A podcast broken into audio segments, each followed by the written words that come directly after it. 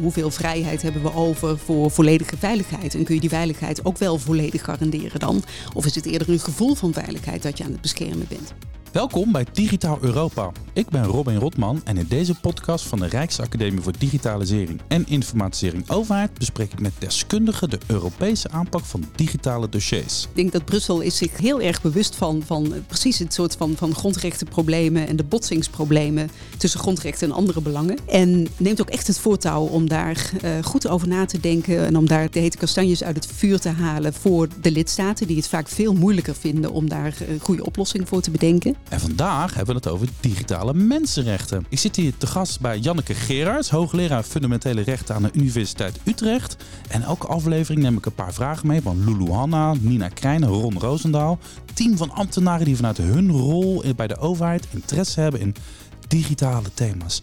Janneke, wat leuk dat wij even in gesprek gaan met elkaar. Zeker weten. We hebben het hier over uh, fundamentele rechten. Vertel eens even, wat zijn dat fundamentele rechten? Fundamentele rechten heten fundamenteel omdat het de belangrijkste rechten zijn die we hebben. Dus als het gaat om ons um, nou ja, dagelijks leven, um, nou, het recht op leven ligt natuurlijk nogal voor de hand. Mm -hmm. uh, maar ook uh, bijvoorbeeld je vrijheid van meningsuiting, je privacy, het recht om gelijk behandeld te worden. Uh, als dat allemaal niet gerespecteerd wordt, dan is ons leven een stuk minder de moeite waard. Ja, het echt over mensenrechten, universele, universele mensenrechten. En dan hebben we aan de andere kant de digitalisering. Dat is een soort, een soort organisme wat, is, wat, wat, wat deels door ons toedoen, deels buiten onze kracht. zijn in dat krachtenveld zijn van allerlei organisaties bezig. Die worden over ons uitgestrooid, of het overkomt ons een beetje. En die hebben soms effect op mensenrechten. Soms versterken ze die, soms biedt het kansen en soms is het een bedreiging. Is dat zo? Moeten wij zijn? Wij zitten nu in een soort fase van, van, van, van de geschiedenis waarin we echt eventjes die mensenrechten weer eventjes goed moeten herdefiniëren, omdat dit zo'n grote natuurkracht is. Is dat zo? Kun je dat, kun je dat, kun je dat eens omschrijven? Dat denk ik wel inderdaad. Um... Kijk, grondrechten zijn heel erg verbonden met um, de context waarin we leven, hè, met de maatschappij waarin we leven. En ze zijn zeg maar, destijds vooral op gang gekomen uh, na de Tweede Wereldoorlog. Uh, toen hadden we de verschrikkingen meegemaakt van, uh, van nou ja, duizenden doden, mensen die ontheemd waren, mensen die ontmenselijkt waren. Maar dat betekent niet dat grondrechten statisch zijn. Dus ze veranderen mee met de tijd waarin je leeft, uh, met de context waarin je leeft. En digitalisering heeft onze samenleving natuurlijk enorm veranderd. We zijn op een heel andere manier uh, tegenover uh, andere mensen komen te staan. We zijn op een heel andere manier tegenover onze overheid komen te staan. En dat betekent dat die grondrechten moeten, moeten meeveren. Dus ze zijn niet minder belangrijk geworden. Maar je moet ze wel soms op een wat andere manier uitleggen, op een andere manier toepassen. Misschien zijn ze op dit moment wel ietsjes belangrijker, omdat nogal eens ter discussie staan. Ja, in ieder geval bepaalde grondrechten. Uh, dus ik denk dat we het er wel met z'n allen over eens kunnen zijn dat het, dat het recht op leven of het folterverbod, dat dat niet direct heel erg onder druk komt te staan door digitalisering. Maar bijvoorbeeld ons recht op um, informatie of onze autonomie of onze privacy, persoonsgegevensbescherming, die zijn inderdaad, uh, nou ja, die zijn een stuk meer onder druk komen te staan. En daar moeten we waarschijnlijk wat extra moeite gaan doen om die grondrechten ook echt te blijven beschermen. En wie zijn dan de, de, de spelers in dit spel? Ik denk natuurlijk gelijk aan de overheid. Weet je wel, data, de overheid met datahonger. En als ik niet uitkijk, wordt het tegen me gebruikt. Computer says no. Een beetje, beetje de ontmenselijking van beleid. Weet je wel, denk van oeh, dat is de overheid. We gaan er straks natuurlijk dieper op in. Maar tegelijkertijd zijn er ook uh, techreuzen. Die van alles van mij weten. Maar die ook een grote invloed hebben op uh, de mediasamenleving. En in informatievoorziening. De journalistiek. Wat is nou tegenwoordig onafhankelijk? En ondertussen zijn er ook gewoon andere burgers. Normale mensen zoals ik. Die ook door technologisering mijn leven binnenkomen. Op linksom of rechtsom. Waar, waar, waar zitten dan de dreigingen? Of, of zijn dit gewoon allemaal de dreigingen? Het zijn allemaal dreigingen, inderdaad. Ja, we hebben daar een hele mooie term voor in het recht. Dat heet multi-actoralisering. Ja, dat is uh, dus er zijn steeds, zocht, ja. Precies, ja. Hè, dat dacht ik al. Ja, er zijn steeds meer actoren gekomen die uh, een bedreiging vormen van onze, van onze grondrechten. Dus de overheid is er nog steeds. En de overheid is inderdaad nog steeds die bedreiging. Die verzamelt ontzettend veel van onze gegevens. Die um, onderschept uh, metagegevens bij telefoongesprekken en, en verwerkt die voor um, criminaliteitsbestrijding bijvoorbeeld. Maar inderdaad, de, de grote techreuzen en de, de meta's en de Googles van deze wereld, nou ja, die maken ook fors inbreuk op die grondrechten. Maar ook allerlei um, andere ondernemingen kunnen dat doen. Hè? Dus de werkgever, die kan misschien wel heel onzorgvuldig met het ophangen van camera's in de supermarkt omgaan. Mhm. Of um, een krant kan een onzorgvuldig um, advertentiebeleid uh, op de website hanteren. En dat kan allemaal leiden tot, tot beperking en tot inbreuk op die grondrechten. Uh, nu hebben we de, eh, onder andere in deze podcastserie praten we daarover. Uh, het gaat in de media wel eens over. Heb jij het gevoel dat we als samenleving wat betreft de impact van digitalisering op onze, men, op onze grondrechten, dat we met z'n allen en ja, genoeg op de bal zitten? Ja, het is een goede vraag. Ik, ik en, moeilijk te beantwoorden ook, denk ik. ik. Ik weet niet of we voldoende op de bal zitten. Ik denk dat we, dat, dat we ons bijvoorbeeld wel heel erg bewust zijn van um, gegevensbescherming en de risico's daarvan. Mm Langzaamaan worden we ons ook wel een beetje bewust van discriminatierisico's, maar dat er ook nog allerlei andere grondrechten op het spel kunnen staan. Daar lijken we een beetje achteraan te hobbelen en daar lijkt het onze juridische reacties en onze um, regelgevings- en beleidsreacties, die lijken daar wat, uh, uh, nou ja, eigenlijk iets langzamer te gaan dan de ontwikkelingen zelf. Kan dat eigenlijk wel anders? Want vaak weet je niet, uh, vaak is technologie een oplossing voor een probleem waarvan we niet eens wisten dat we die hadden. Hè? Of eh, er zijn vaak toepassingen die je van tevoren ook helemaal niet kent. Dat is ook het leuke aan fundamenteel onderzoek van de wetenschap natuurlijk. Dus in zekere zin kan het. Het moet af en toe een beetje knarsen en fout gaan. En dan moet er een keer een rechter een soort uitspraak over doen. En dan weten we het pas. Zoiets is natuurlijk ook waar. Ja, dat is helemaal waar. Het, ik bedoel, het recht loopt altijd achter de feiten aan. Uh, we kunnen niet zeg maar, ja, al voorspellen welke ontwikkelingen zich gaan voordoen en daarop al regelgeving maken. Wat we wel soms beter kunnen doen, denk ik, is dat we um, bijvoorbeeld dingen techniekneutraler uh, formuleren. Dus het, een van de dingen waardoor onze Nederlandse grondwet op dit moment nogal achterloopt, is dat daar nog allerlei verwijzingen in staan naar uh, de, de uh, Telegraaf. Oh, nou ja, ik bedoel, op het moment dat ik aan mijn studenten eh, zo'n afbeelding laat zien van een telegraaf, die hebben ze nog nooit gezien. Geen benul, ja. Nee, ja. maar zo ja, dus op het moment dat je dus hele specifieke technieken gaat benoemen in je regelgeving, dan, dan gaat die sowieso niet bij de tijd blijven. Dus je kunt op dat soort punten kun je al wel iets vooruitstreven. Oh, maar dat is een deel van de oplossing. Misschien alleen, nou, het maakt niet zo heel uit welke technologie het is, maar dit zijn onze kernwaarden. En als we daar nog aan vasthouden, ja. vaak gaat het over, er moeten een soort digitale burgerrechten worden geïntroduceerd. En ik denk eigenlijk een beetje intuïtief, maar we hebben toch gewoon recht op privacy, vrijheid van meningsuiting. We hebben toch allemaal belangrijke dingen. Als we dat nou zoals een soort filter over die tech heen gooien, dan zijn we dat. Waarom nou weer aparte... Maar eh, misschien zeg ik iets heel sufs hoor. Maar, nee, maar ik, ben het daar wel, ik ben het daar wel mee eens. Er zijn inderdaad, er is een hele discussie. Um, er zijn ook mensen die zeggen van ja, maar die, die technologische ontwikkelingen die zijn zo bijzonder. Daar moeten we ook bijzondere mensenrechten voor hebben het recht om niet um, gemeten of gecoacht te worden, bijvoorbeeld. Maar dan denk ik van ja, maar ja, dat zijn eigenlijk allemaal aspecten van, van mensenrechten, grondrechten die we al lang hebben. Dat, eh, dat zit ook heel erg in privacy, dat zit ook heel erg in dat recht op informatie en in menselijke waardigheid, bijvoorbeeld. Dus je kunt inderdaad beter naar die grondwaarden kijken. Um, en die worden beschermd door die mensenrechtenverdragen.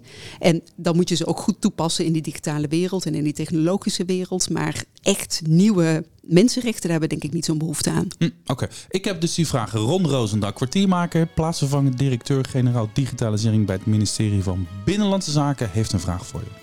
We willen fraude aanpakken en toch ook de veiligheid van burgers garanderen. Maar hoe verhouden die zich tot elkaar? Dan zou je toch grondrechten af en toe opzij moeten kunnen zetten?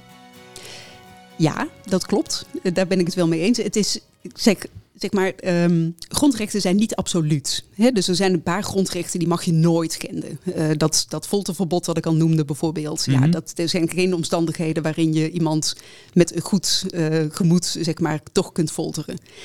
Maar Um, grondrechten, dat zijn, we noemen dat in het recht beginselen, dat zijn vrij zachte uh, rechten eigenlijk.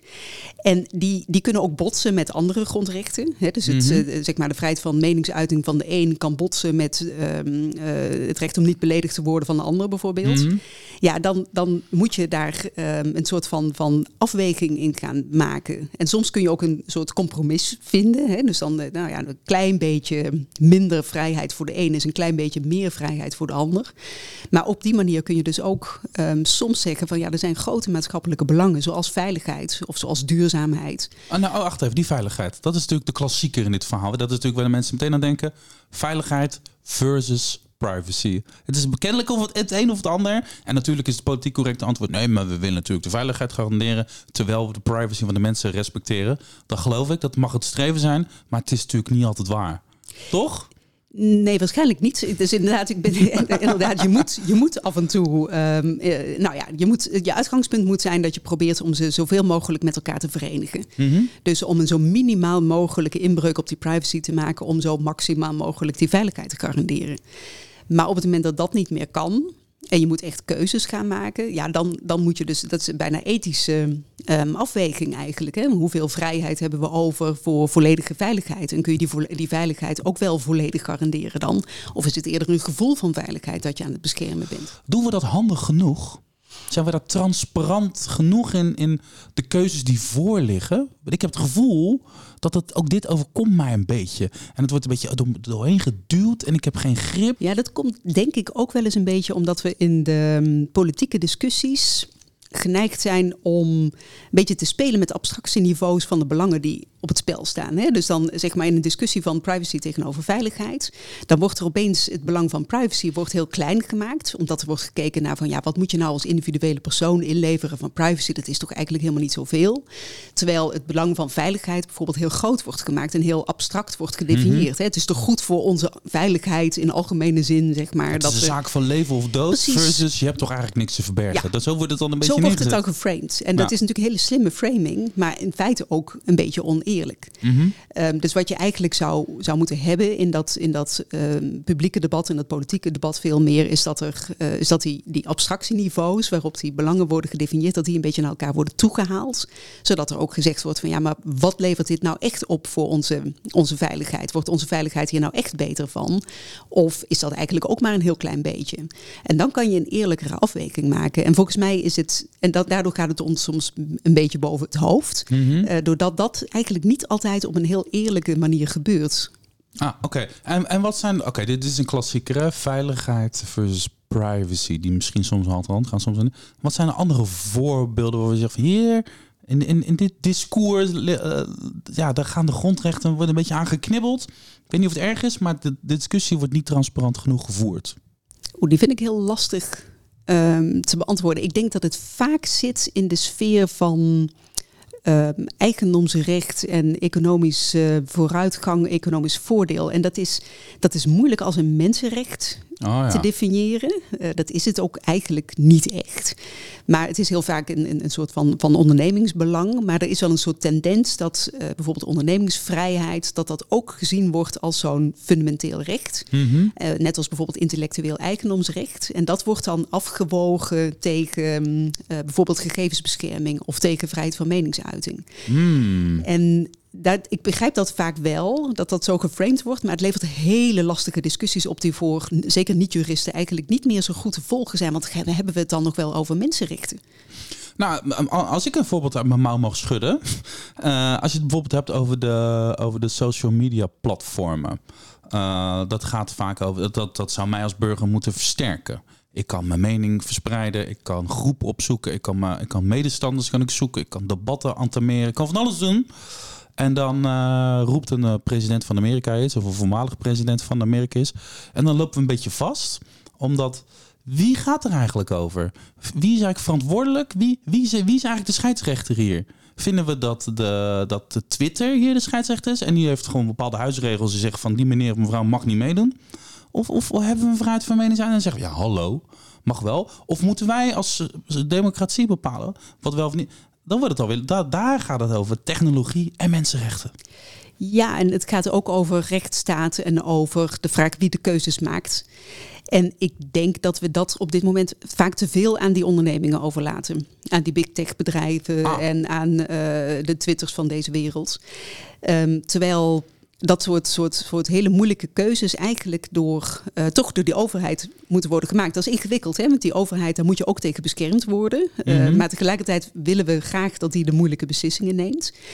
En ik denk dat het toch beter is om dat te doen, omdat we uh, na eeuwenlang ervaring ook wel weten dat we die overheid heel erg goed moeten controleren. Dus die is helemaal ingepakt in een systeem van checks and balances en van verantwoording afleggen en van democratische controle. En dat hebben we bij Twitter niet. In, in, in Europa uh, uh, wordt, is daar heel veel besef voor nu. We hebben nu de GDPR, de AVG, dus de privacywetgeving. Er wordt over uh, de AI wordt nagedacht, de, de, de, de, zeg maar de impact van kunstmatige intelligentie. Er wordt nagedacht over het systeem, de, de Europese cloud-oplossing, zodat we misschien niet meer constant de service in Amerika of de Chinezen, dat we daar niet zo afhankelijk van zijn. Brussel doet dat eigenlijk best wel handig op dit moment, of niet? Ja, ja, absoluut. Ik denk dat Brussel is zich um, uh, heel erg bewust van, van precies het soort van, van grondrechtenproblemen en de botsingsproblemen tussen grondrechten en andere belangen. En neemt ook echt het voortouw om daar uh, goed over na te denken en om daar de, nou ja, de, eigenlijk de hete kastanjes uit het vuur te halen voor de lidstaten, die het vaak veel moeilijker vinden om daar een goede oplossing voor te bedenken. Mm -hmm. Ik denk ook dat het het goede niveau is om uh, dit soort beslissingen te nemen, want het is zo'n internationale wereld dat op het moment dat je dat als individueel land uh, daar probeert voor oplossingen voor te bedenken, ja, dan ben je maar een hele kleine speler. Terwijl Europa is in, in zekere zin veel, veel krachtiger. Um, kan oplossingen maken die in ieder geval voor heel Europa bruikbaar zijn, maar kan ook in dat machtsspel met China en met de Verenigde Staten en andere grote spelers um, echt een, een, grotere rol spelen dan staten dat kunnen. En je ziet bij de GDPR, de, de AVG, hè, de, de dat Europa daadwerkelijk internationaal de norm heeft gezet. Toch moet ik ook een beetje. Ik heb een keertje Kees Verhoeven hierover gesproken. Die was natuurlijk Tweede Kamerlid voor D66. Hij heeft nu zijn eigen bureau opgericht. En hij zei van, joh, ja, eigenlijk misschien zelfs ook wel als bijvoorbeeld Facebook iets doet wat Nederland niet mee eens is, dan zou je gewoon eigenlijk moeten zeggen, dikke vinger. Uh, je pas je maar aan, bouw maar een, een aparte app voor Nederland, je zoekt het maar uit. Vind ik ook wel charmant ergens. Ja, dat, dat, is het ook, dat is het ook zeker.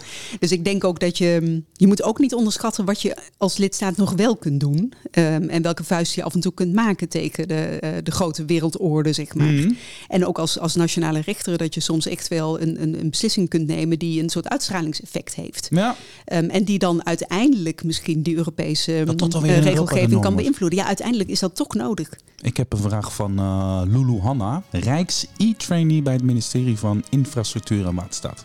We hebben het vaak over de risico's die digitalisering en ontwikkeling van technologieën hebben op mensenrechten. Maar wat nou als we het positief benaderen? Hoe kunnen we deze ontwikkelingen inzetten ter ondersteuning van mensenrechten? Leuk!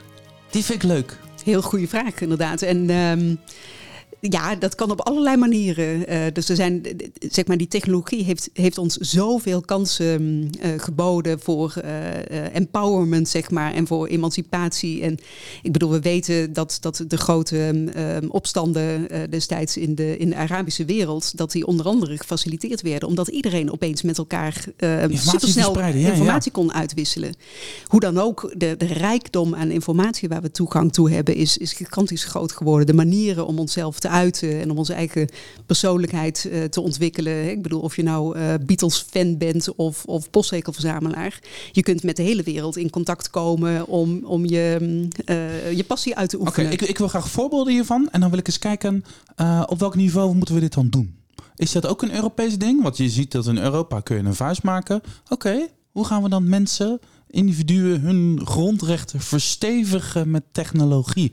Dat noemen ze een voorbeeld. En dan gaan we eens even kijken waar we dat moeten doen. Brussel, Den Haag, whatever. Nou ja, een van de, van de voorbeelden die vaak genoemd wordt, is eigenlijk juist die, die platformisering. Hè? Dus dat, is, dat, is, dat zien we ook heel erg als een bedreiging tegenwoordig.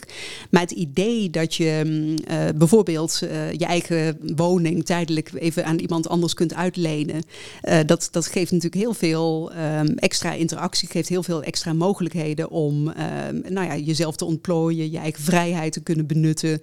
Um, geeft ook heel veel mogelijkheden om die overheid eigenlijk even helemaal uit te schakelen. Dus daar zitten allerlei voordelen aan vast. Zelf, dat gaat over zelfsoevereiniteit. En zelf zelfontplooiing, het gaat over... Oké, uh, oké, okay, okay, dit dat is leuk. Dat, dat, dat zien we nu, hè. dat zien we in de taxiwereld, we zien het in de huizenmarkt. Ja. Daar worden ook grenzen aangesteld. Maar even los daarvan, wie gaat dit organiseren? Is dat, is dat de, uh, Brussel? Wat Moet dat spelletje heel in Europa gelijk getrokken worden? Ja, langzaamaan wel. Want een van de rare ontwikkelingen die we hier zien, is dat, dat zoiets eigenlijk van, van de grond af opkomt. Hè? Dus dat er heel veel coöperatieachtige um, instituties zijn ontstaan, waarbij mensen inderdaad eigenlijk zo'n app gebruiken om hun eigen interactie makkelijker te maken. Dat heeft heel veel voordelen. Maar uiteindelijk, zeker als er commerciële uh, kanten aan vast komen te kleven. Uh, of op het moment dat blijkt dat, uh, nou ja, stel je gebruikt een platform of een coöperatie om een nieuwe windmolen aan te leggen en je gebruikt daar software voor, blijkt dat in no time daar toch ook al die grote big tech spelers tussen komen te zitten. Maar het kan ook tot effect hebben dat mensen eventueel worden uitgesloten of dat ze zonder dat ze dat willen opeens mee moeten in zo'n coöperatie, omdat ze anders geen windmolen kunnen krijgen of geen elektriciteit kunnen krijgen. Mm -hmm. En dat um, zijn dan problemen waar je uiteindelijk toch wel weer overheidsregulering voor nodig hebt. Dus die grote spelers gaan zich er onvermijdelijk tegenaan bemoeien. Er ja, is bijna een disruptieve wel. tech is er dan in de aantocht. En die gaan die grote jongens zich tegenaan bemoeien. En dan zeg jij dan eigenlijk, oké, okay, we hebben dus die grondrechten. Dat zijn hele belangrijke dingen. Het gaat over soevereiniteit, vrijheid van meningsuiting. Uh, uh, uh, nou, geen discriminatie. Nou, dat soort dingen allemaal. En dat moeten we dan als een filter over die ontwikkeling heen leggen. En dan gaan kijken, hoe gaan we dit in goede banen leiden? En inderdaad, komt dan ook weer die problematiek waar we het al even over hadden, dat je, dat je soms botsende belangen kunt krijgen. En dat je daar dan weer keuzes tussen moet maken, een soort afwegingen tussen moet maken. En dat je dat op een heel zorgvuldige manier moet doen. Hè? Weet je wat het lastig is? Als ik je mag on on onderbreken, jij noemt die botsende belangen. Ik, ga dan, ik denk dan gelijk als een soort na naïveling die ik gewoon ben, eerlijk is eerlijk, dat die tech die zou natuurlijk een emanciperende werking moeten hebben. Het moet mij als individu empoweren, versterken. Maar daar hebben de overheden natuurlijk niet altijd belang bij dat dat gebeurt. Wie gaat ervoor zorgen dat dat, dat verhaal dan verteld wordt? Ja, ik denk, nou, ik denk dat, dat die overheden, die, die interesseert het vaak nog helemaal niet zo heel erg hoor. Maar je, je kan ook wel het probleem hebben dat andere mensen daar last van hebben. Mm. Dus op het moment dat jij enorm empowered wordt door uh, Twitter, omdat je opeens alles kunt zeggen wat je wil, dan is dat aan de ene kant heel mooi. Maar het kan ook betekenen dat je allerlei dingen gaat zeggen die heel beledigend zijn voor andere mensen of misschien zelfs wel schadelijk. En dan moet er toch iets gebeuren. Want dan zijn ook de andere grondrechten van iemand anders mm. uh, die dan op het spel staan. Je hoort vaak zoiets als uh, privacy by design, security by design. Um, je zou bijna zoiets moeten zeggen als, uh, weet ik veel, menselijke maat by design of grondrechten by design of zo. Dan is dat toch weer een grondrecht dat technologie by design goed is of zo. En wat is, wat, wat is dat dan? Ja, het idee van fundamental rights by design vind ik, vind ik zelf ook heel erg interessant hoor. Het is dat, dat gaat ook een beetje uit van de gedachte dat er in technologie zelf uh, natuurlijk al bepaalde keuzes zijn ingebouwd. Hè? Dus ik bedoel, die technologie die gaat echt niet uit zichzelf denken. Uh, dat is toch nog allemaal niet nog niet in ieder geval, maar in ieder geval vooralsnog. Um, zijn al die data door mensen aangeleverd. Uh, de programmering gebeurt door mensen. Uh, de, de toepassing gebeurt door mensen. Dus zeg maar alle fouten die in ons menselijk denken zitten, die komen ook terug in die technologie. Um, plus de bedreigingen voor grondrechten die we hebben. Dus wat je, wat je eigenlijk zou moeten doen, is dat je vanaf het begin af aan heel erg bewust bent van um, keuzes die gemaakt worden. Um, en welke impact die zouden kunnen hebben op grondrechten.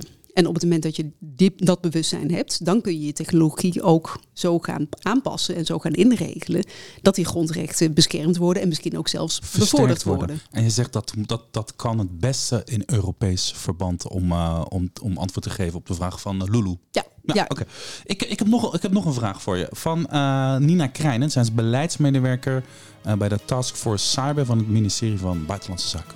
Vaak wordt gesteld dat online vrijheid en online veiligheid elkaar uitsluiten. Is dat zo? Dat raakt natuurlijk bij onze eerste stellingen. Sluiten ze elkaar uit? Nee, ik denk niet dat ze elkaar echt uitsluiten. Het kan inderdaad een botsing opleveren. Uh, en dan, volgens mij moet je dan vooral goede mechanismen hebben om met die, met die botsing om te gaan. Om ervoor te, te zorgen dat ze elkaar niet gaan uitsluiten. Oké, okay, wacht, wat dit vind ik leuk. Jij zegt er moet een soort mechanisme zijn. Laten we deze, deze stelling aangrijpen om wat concrete handvatten te creëren. Oké, je werkt dan in Europa op zo'n, uh, op zo'n, bij, de, bij zo'n commissie of je, of je zit in de Tweede Kamer. En uh, er bedenkt iemand bij zo'n vergadering, bij zo'n, teammeeting.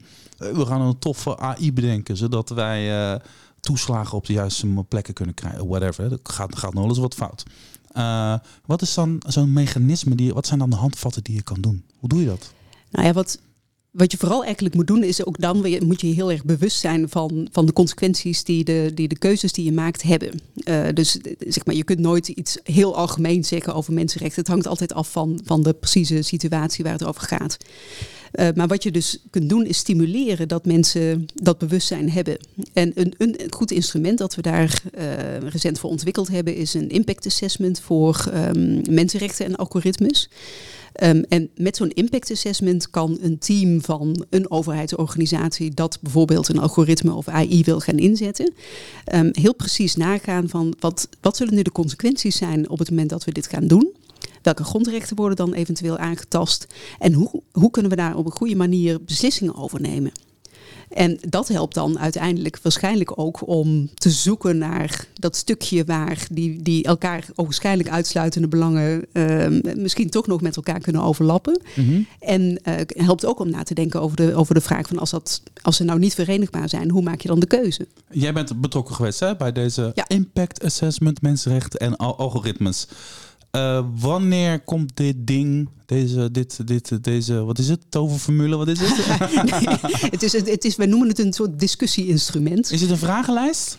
Ja, het is een vragenlijst, een hele uitgebreide. En je zou er eigenlijk met een soort interdisciplinair team, dus met juristen, maar ook met uh, nou ja, computerdeskundigen en, en inhoudsdeskundigen, zou je ermee aan de slag moeten gaan om uh, te praten over de, over de ja, verantwoorde inzet van, um, van technologie. Oké, okay, we zitten in Brussel thema's. We hebben het over de deepfakes. Dat wordt als, voor door sommige mensen als de grootste bedreiging voor onze democratie gezien. Je weet gewoon echt niet meer waar je naar zit te kijken.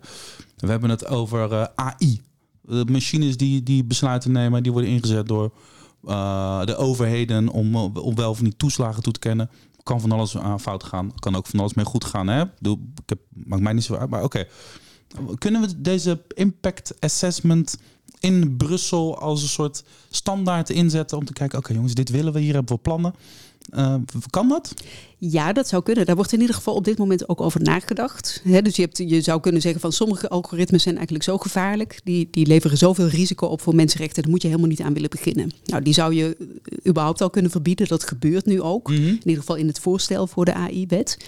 Maar je blijft natuurlijk ook een hele categorie overhouden van algoritmen die misschien een risico kunnen vormen, maar die, die misschien toch ook door de beugel kunnen. Mm -hmm. En daarvoor zou je inderdaad kunnen zeggen van nou, als je die als overheid wil gaan inzetten, moet je er in ieder geval goed over nadenken uh, hoe je dat wil doen.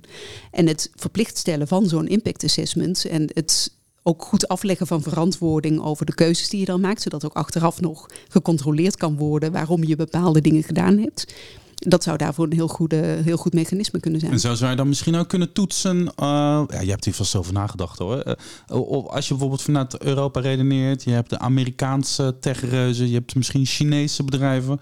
Dat zijn in ieder geval landen die op sommige vlakken andere moraal erop nahouden.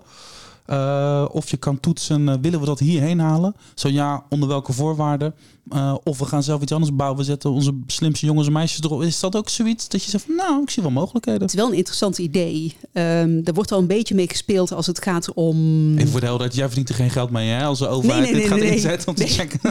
nee, nou het is nog best lastig om, zeg maar, ja, de, omdat de overheid een andere rol speelt dan ondernemingen. Um, nog best lastig om precies hetzelfde instrument bij uh, ondernemingen in te zetten als bij de overheid. En dan al helemaal als het dan ook nog, um, zeg maar, bedrijven zijn mm. die in het buitenland gevestigd zijn. Maar je kunt het denk ik wel zo ontwerpen dat het ook bij bijvoorbeeld certificering of uh, toelaten van bepaalde producten op de markt. Net zoals je nu ook aan bepaalde veiligheidsnormen moet voldoen, wil je Chinees speelgoed op de markt kunnen brengen. Um, zou je natuurlijk iets vergelijkbaars kunnen doen als het gaat om um, algoritmes die je in Europa op de markt wil brengen. Zijn onze, onze fundamentele rechten nou uh, beter? Zijn die nou, uh, zijn die nou sterker op dit moment dan twintig jaar geleden toen al die technologie was? Uh, of wat, waar, waar staan we nou? Waar zitten, waar zitten we nou naar te kijken met z'n allen?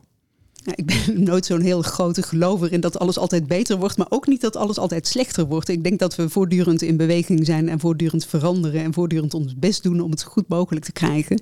Wat ik in ieder geval heel positief vind, is dat het bewustzijn van uh, deze problematiek heel groot is op het moment en dat er heel veel mensen mee bezig zijn om dit beter te krijgen. En zolang we dat maar blijven doen, um, zie ik het toch wel po uh, positief in. Janneke Gerards, hoogleraar fundamentele rechten aan de Universiteit Utrecht. Dankjewel.